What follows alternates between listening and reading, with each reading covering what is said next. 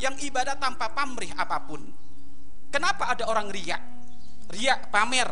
Ya kan kalau infak nengok-nengok mana itu? Oh, tiga orang nanti. Kalau 50 orang baru tak cemplungin ke kotak amal. Kenapa orang bisa kayak gitu? Karena dia mengandalkan amalnya sehingga kalau beramal pengen ditengok orang.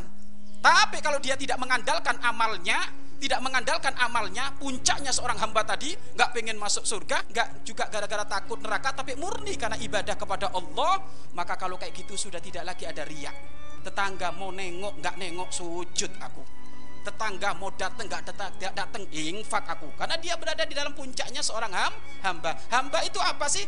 Hamba itu seorang budak yang senantiasa nurut pada tuannya Lu kita ini budaknya Allah, otomatis kita harus nurut kepada Allah. Mau digaji, mau nggak dikasih, ya terserah. Yang penting kita nurut kepada Allah Subhanahu wa taala. Ini jadi min alamatil i'timadi alal amali nuksonur roja inda wujudiz zalal Al-Imam Ibnu Athaillah mengajarkan kita hendaknya kamu ibadah ikhlas jangan karena macam-macam kecuali karena Allah.